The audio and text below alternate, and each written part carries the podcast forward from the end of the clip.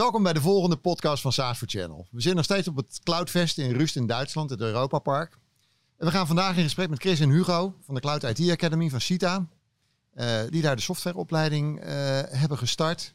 En ik eh, wil jullie graag vragen om een eerste introductie te doen van jullie zelf en van de opleiding. Alright, Oh, nou, dankjewel. Ik ben Hugo, Hugo Helder, docent software development met een specialiteit in softwarekwaliteit.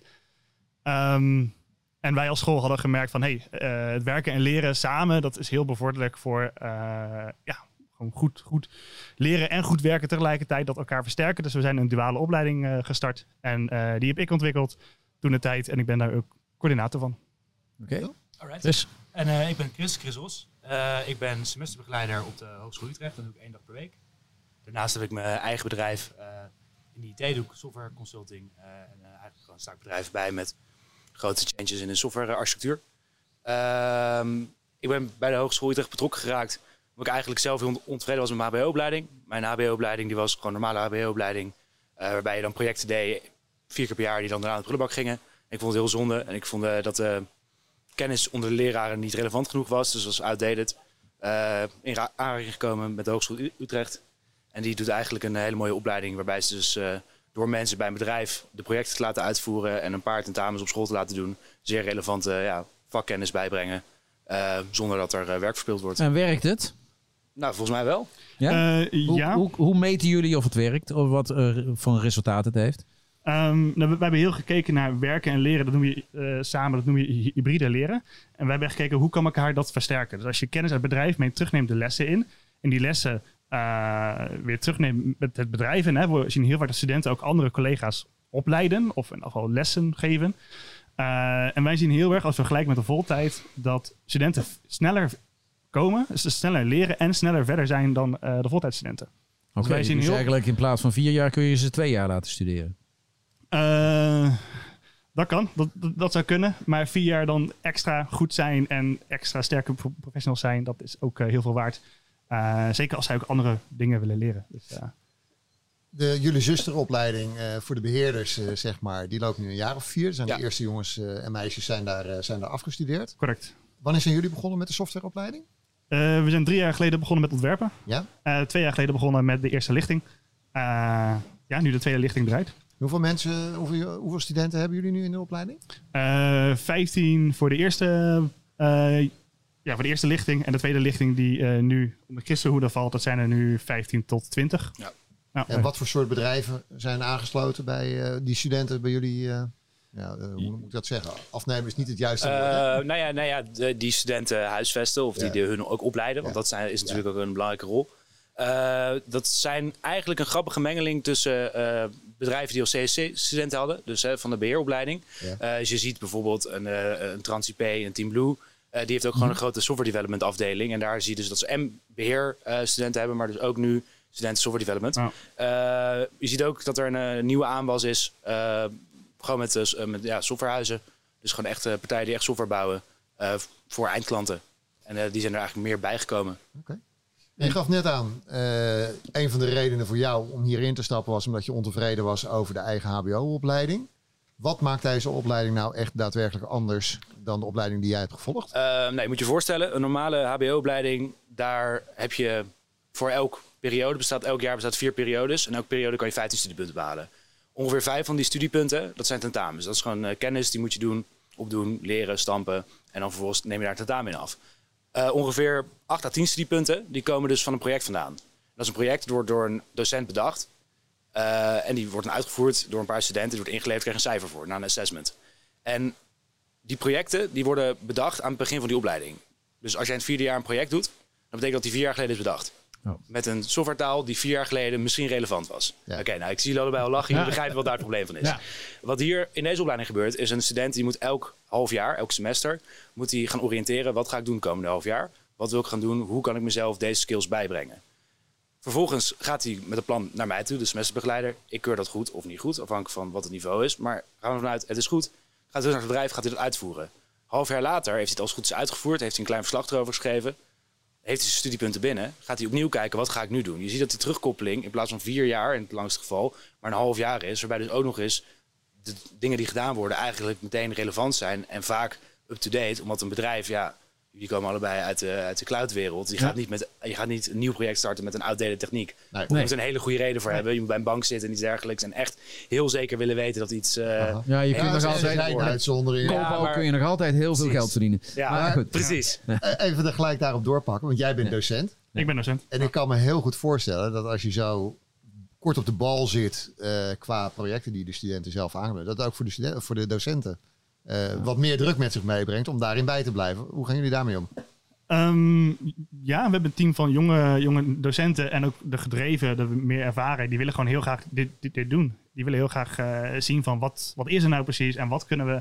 eh, en wij proberen in onze vakken op een iets abstracter en hoger niveau te zitten. Vaak redeneren we met principes en design patterns. En als je op dat hogere abstractieniveau blijft zitten, dan maakt de techniek wat minder uit en dan maakt het makkelijker eigen. De vakken en ook eh, ja, de beroepstaak, zoals wij dat noemen, hè, dat, dat het werken eh, in de praktijk dat punten oplevert. Ja. Ehm, omdat die, die, die, die aanvliegroute wat abstracter is, kunnen wij heel makkelijk alles erin passen. eh, en kunnen wij vanaf het abstract niveau heel goed ja, Dus je indalen. bent naar minder specialist op een bepaalde taal, maar je geeft eigenlijk het concept van hoe kan ik programmeren, hoe zet ik dat goed in elkaar. Objectgeoriënteerd programmeren, hoe, eh, hoe database structuren, hoe kan je data veiligstellen, kan je data normaliseren. Dat zijn eh, technieken die bestaan al sinds de jaren 80. Ja. Dat zijn eigenlijk eh, bijvoorbeeld SQL, dat, is, dat bestaat al zo lang. En dat is nog steeds relevant. Dus de basis van SQL leren, dat is prima. Maar ehm, het specifiek leren van één type database abstractie, die kan gebruikt worden voor één specifiek type programmeertaal, bijvoorbeeld Java. Ja, dat is natuurlijk zo specifiek. Dat betekent niet per se dat je het ehm, ook kan toepassen als je dan klaar bent met je opleiding. En dat En- proberen we nu. Hoe schat je nou in of ga je in dat een nieuwe ontwikkeling relevant is om in jullie geval eh, les in te krijgen? Eh, kijk, je, je ziet eh, bij onderschatten altijd eh, innovatie, eh, hoe snel het gaat in twee jaar. En, eh, of overschatten eigenlijk hoe snel het in twee jaar gaat. En onderschatten hoe, hoe snel het in tien jaar gaat. Ehm, nou, we zitten nu met AI. Vijf, tien jaar geleden was dat al begonnen. Nu opeens komt het gigantisch eh, eruit. Maar je zou je kunnen voorstellen, er komt weer iets nieuws. Ehm, mogen studenten daarin of niet? Hoe snel schakelen jullie daarin? En, en Ehm. waar analyseer je op, baseer je op dat, je, dat ze wel mogen een project of niet mogen een bepaald project? Nou, ons, onze basis is een eh, HBO-competentieframework. Eh, en daarin staan op abstracte lijnen van dit is wat voor ons software development inhoudt, maar het gaat ook over technische informatica en ook kunstmatige intelligentie. En eh, wij passen nieuwe ontwikkelingen in, in het competentiemodel totdat het niet meer past. En dan updaten we het competentiemodel. Eh dus een vierjarige cyclus. Eh, Dus die zit wel weer in vier jaar. die is er wel weer in vier jaar. Maar zo'n competentiemodel, dat, ja, dat is gewoon op wat abstracte niveau. Dus, maar vier jaar is nog redelijk ko- kort cyclus. Als ik dus En, nu even JetGPT eind vorig jaar uitgekomen, nu alweer met de volgende versie, ik geloof 4.0 of zo. Correct. Eh, Ja. de, de, de ontwikkelaars, ja, die kunnen nu al code krijgen gewoon vanuit JetGPT. Dus dat hoef je ook Ja. niet meer te zeggen. Ja. Ja. Hoe ga je daarmee om? Ehm, nou, voor elke vak zetten wij leerdoelen neer. En dan zeggen wij, oké, eh, dan mag je misschien wel code inleveren ervan. Maar dan moet je kunnen uitleggen wat het doet. Dus dan krijg je wel het, dat je het moet kunnen begrijpen en dan kunnen toepassen in een andere context, bijvoorbeeld. Dus dan verander je je leerdoel erop dat je wel een bestaande techniek kan in- in- incorporeren. Ehm, zonder dat je per se dingen moet verbieden of dat je achterblijft.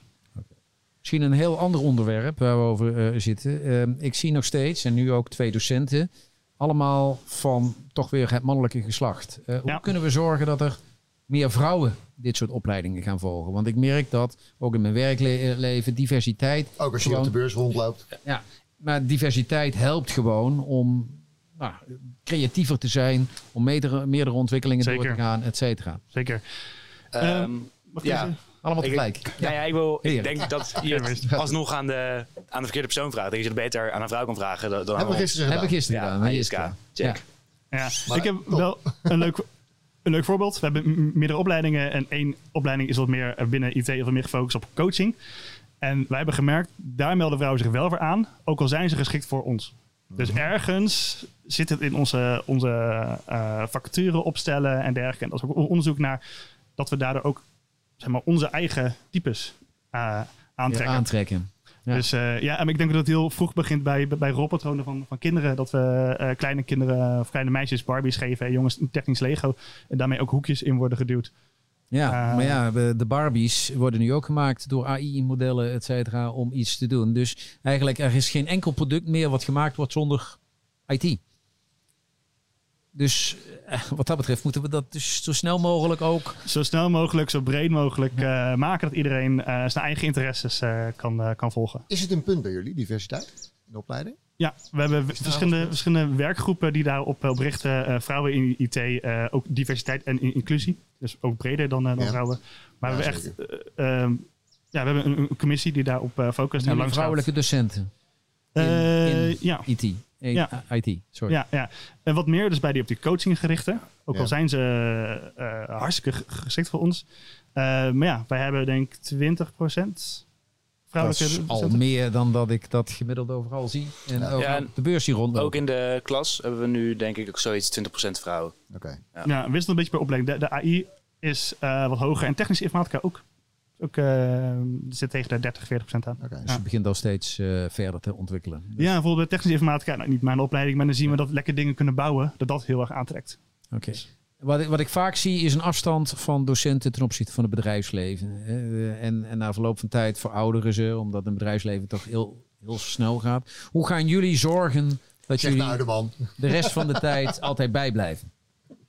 Eh, leuk dat je het vraagt. Ik ga over drie weken beginnen met een stage bij een bedrijf. Waar ik twee dagen eh, uit mijn eh, opleidingsbudget in de week pak om bij een bedrijf te gaan werken voor eh, vier maanden. Oké. En dan op die Leuk. manier eh bijblijven. Ja, superleuk. Ja. Ja. Wat, voor, wat voor bedrijf ga je werken? Eh, Nederlands dataportaal wegverkeer. En dan de real-time data. Dus ga op high performance computing eh, ga ik zitten. cool. Dus dat is eh, superleuk. Ja. Leuk man. Leuke ontwikkeling. Ja. Ja.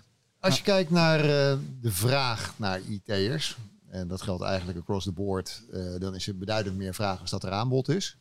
Hoe schaalbaar is jullie opleiding om uiteindelijk meer output te gaan leveren? Ja, eh, ik, ik denk eh, vrij schaalbaar. Ehm, je ziet dat het, eh, namelijk het leerproces wordt voornamelijk bij bedrijf neergelegd. 40 studiepunten per jaar. Die worden eigenlijk weggegeven door het werk wat ze verrichten. Of werkgever, die verdienen ze.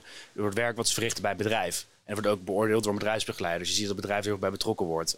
Voor- voornamelijk leden uit de DCC. leden van CITA, die worden erbij betrokken om echt de studenten te coachen. Dus vanuit de hogeschool is er maar één dag les per week. En er is voor ongeveer 20, 30 studenten is er een begeleider nodig. Dat ben ik dan. Eh, en daarmee schaalt het best goed. Zolang er bedrijven zijn die studenten willen huisvesten. Dus zouden andere hogescholen dit ook kunnen, dit model ook kunnen gaan volgen? Zeker. Ja, elke Zeker. school die een duale of Promoten een jullie het binnen de HBO-instellingen? Eh, nee, eigenlijk niet. Waarom Nee. Zien jullie andere scholen als concurrent of als eh, mede eh, partner in crime? meestal, meestal mede, mede partner. Ja, maar het hangt heel erg van de ho- hogeschool af. Ja. En eh, ja, het is echt goed. Wij, wij promoten wel onder, onder studenten. Zie je het ook op ehm, universiteiten als een van de opties om dit op deze manier vorm te gaan geven? Ik denk dat het zeker een goede toevoeging eh, zal zijn. eh, ook omdat het daar dan minder... Ik heb zelf informatica gedaan en het is best wel los van wat je in bedrijven doet. Ja. Dus, zeker, ja. Dat zou Ik zie zijn. ook en ik zie ook daar trage ontwikkelingen in ten opzichte van de modellen die ze gebruiken of productlanceringen, hoe je een product moet lanceren, et cetera. Ehm, het adaptieve vermogen om zo snel mogelijk weer te zien van ja, hoe gaat het in het be- bedrijfsleven, hoe pakken we het aan? Dat is erg traag in. ehm, Ja, ze zijn heel gefocust op onderzoek doen en vanuit daar dan door laten vloeien naar de rest van de... Maar En Klopt. eh, als ik even ga kijken, ehm, innovatie, eh, nieuwe bedrijven opstarten, et cetera. Stimuleren jullie dat ook binnen jullie mensen? Dat je zegt van joh, eh kom weer iets nieuws. Ehm, Ja, dat, dat is lastig, want vaak wordt een, wat ik zeg, een student is best wel betrokken bij een bedrijf. Eh, vanuit de CITA wordt hij gekoppeld. Ja. Eh, en die, die studenten die, die worden dus ook, die leren ook veel bij het bedrijf. Dus het is het, het, wij zouden niet zomaar kunnen zeggen van ja leuk, ga je eigen bedrijf beginnen. Want dan is, zijn ze hun leeromgeving kwijt en moeten ze hun eigen tutor gaan worden. Dus on, behalve als ze ineens zo goed worden dat ze vijf senior devs in kunnen huren en een van hun hun kan begeleiden. eh, denk ik dat het een beetje een lastig verhaal, verhaal wordt binnen deze eh, opstelling. Ja, ik denk dat dat wel heel typerend voor deze opleiding ook is. Omdat je zo nauw bij die bedrijven betrokken bent. Ik bedoel, die bedrijven investeren ook in, eh, in de studenten. Dus die willen er ook even van profiteren. Ja. Ja. blijf je als student bij één bedrijf vier jaar lang? Eh, niet per se. Niet per se. Nee. nee, Stimuleren jullie rotaties? Of Eh, in ieder geval jullie? rotatie binnen bedrijf. Eh, de CITA die selecteert bedrijven bewust omdat ze wat groter zijn. Mhm. Eh, met wat groter bedoel verschillende afdelingen. Waarom? Het is heel nuttig voor een student om bijvoorbeeld een jaar bij frontend te zitten, een jaar bij backend, een jaar misschien zelfs bij beheer, eh, om daar tooling voor te gaan maken. Ja. De, dus roleren binnen het bedrijf wordt zeker gemotiveerd. Ehm, en ja, tu- tussen bedrijven is het mogelijk, maar logischerwijs zijn, staan de bedrijven er niet voor te springen. Die zijn iemand aan het inwerken, die hebben een inwerkperiode, eh, die, die willen graag development capaciteit houden. Eh, en als iedereen eh, twee jaar komt leren en daarna weggaat, ja, dan eh, kost het hun heel veel tijd. En, Hoeveel zie je, zie je of verwacht je dat eh, m- eh, de, de studenten blijven werken bij het bedrijf waar ze zijn opgeleid? Meestal zijn ze heel, heel tevreden. Dus eh, we verwachten dat ze daar minimaal een tijd, eh, tijd werken. Dus eigenlijk voor bedrijven zelf is het ook een methode om te werven van nieuwe medewerkers om daarmee binnen te komen. Zeker, zeker, absoluut. En we zien bedrijven het ook op die manier doen. Eh, zeker ook na één, na twee jaar. Ja, ik heb al gezegd, ze stijgen heel snel in niveau. Dan heb je al een redelijk volwaardige werknemer. Die daarnaast ook nog eens dingen leert. Dus het zijn hele sterke pro- professionals die dat eh, worden. Ja, kan ik uit de praktijk beamen, dat werkt. Nou, Eh, ik denk wel dat een uitdaging is inderdaad, je zit al vier jaar bij een bedrijf. Dus op het moment dat je klaar bent met de opleiding, zit je al vier jaar bij een bedrijf. Voor Ja. dan blijven mensen gemiddeld bij een bedrijf. Dus het is daarna wel een kritische periode om voor het bedrijf ook om die eh, jongens en meisjes aan zich te, blijven, te laten binden. zeker. Hey, we komen langzamerhand aan het einde van het interview. Ehm, even nog twee vragen. Vraag 1. Wat is jullie op dit moment op Cloudfest opgevallen? Welke nieuwe ontwikkelingen zijn jullie tegengekomen? Eigenlijk is dit al een antwoord. Ja. De zucht. Geen nieuwe ontwikkelingen. Niks. Nou, eh, niet eh, in overvloed eigenlijk. Eh, Wat was jullie doel om hier te komen? Ehm, denk toch wel een beetje gewoon netwerken. Ehm, veel eh, nou ja, klanten van mij of oud-klanten van mij zijn hier. Ehm, Hugo die wou graag een keer eh, mee vanuit de opleiding. Want ook een keer met de bedrijven wou zien waarvoor die, waar studenten werken. Eh, waar jij de opleiding voor hebt ontworpen. Eh, dus ik denk dat, dat eigenlijk voornamelijk. Oké. Dan afsluitend. eh wij vragen eh, eh, de mensen die we hier aan tafel hebben altijd om een tip eh, voor de ondernemers die, eh die SaaS for Channel volgen eh, te geven. Hebben jullie Ja. allebei één tip eh, die jullie eh, zouden kunnen willen geven aan de ondernemers eh, in de cloud-industrie? Zeker, zeker. Eh, stimuleer een leven lang leren. Ja, dus laat je medewerkers ook continu eh, opleiden. Word je ook als bedrijf beter van. Ehm, dus stimuleer die, die nieuwsgierigheid en die leergierigheid. Oké. Dus je medewerkers. Ja. Ja, je maait me een beetje voor mijn voeten weg. Ehm, Het is het nadeel als je met z'n tweeën komt natuurlijk. Ja. hè? ja. Nee, ik denk, denk toch ook wel eh, bedrijven die, die echt naar personeel op zoek zijn. eh, ja, denk eens na over het eh, misschien intern opleiden van je personeel. eh, met wat, wat jij gezegd hebt, leven lang leren. Of eh, kijk toch naar of je dan eh, studenten eh, eh, van een MBO of iemand die misschien helemaal geen vooropleiding heeft, maar wel ervaring. Of je die met zo'n traject kan omscholen tot gewoon een, eh, een professional. Eh, daar wordt iedereen beter van, denk ik. Oké. Nou, mogen we jullie hartelijk danken voor, deze, voor dit gesprek, deze interviews. Ehm, ja, de namen en alle contactpersonen zijn weer te vinden. En dadelijk ook deze podcast op de www.saasforchannel.nl of op ons YouTube, YouTube kanaal. Hartelijk dank en veel succes eh, Ja. verder op Cloudfest. En veel plezier op Cloudfest. Dankjewel. Bedankt. Bedankt voor het luisteren naar de podcast van SaaS for Channel. Wilt u meer weten over wat er besproken is? Kijk dan op onze website saasforchannel.nl.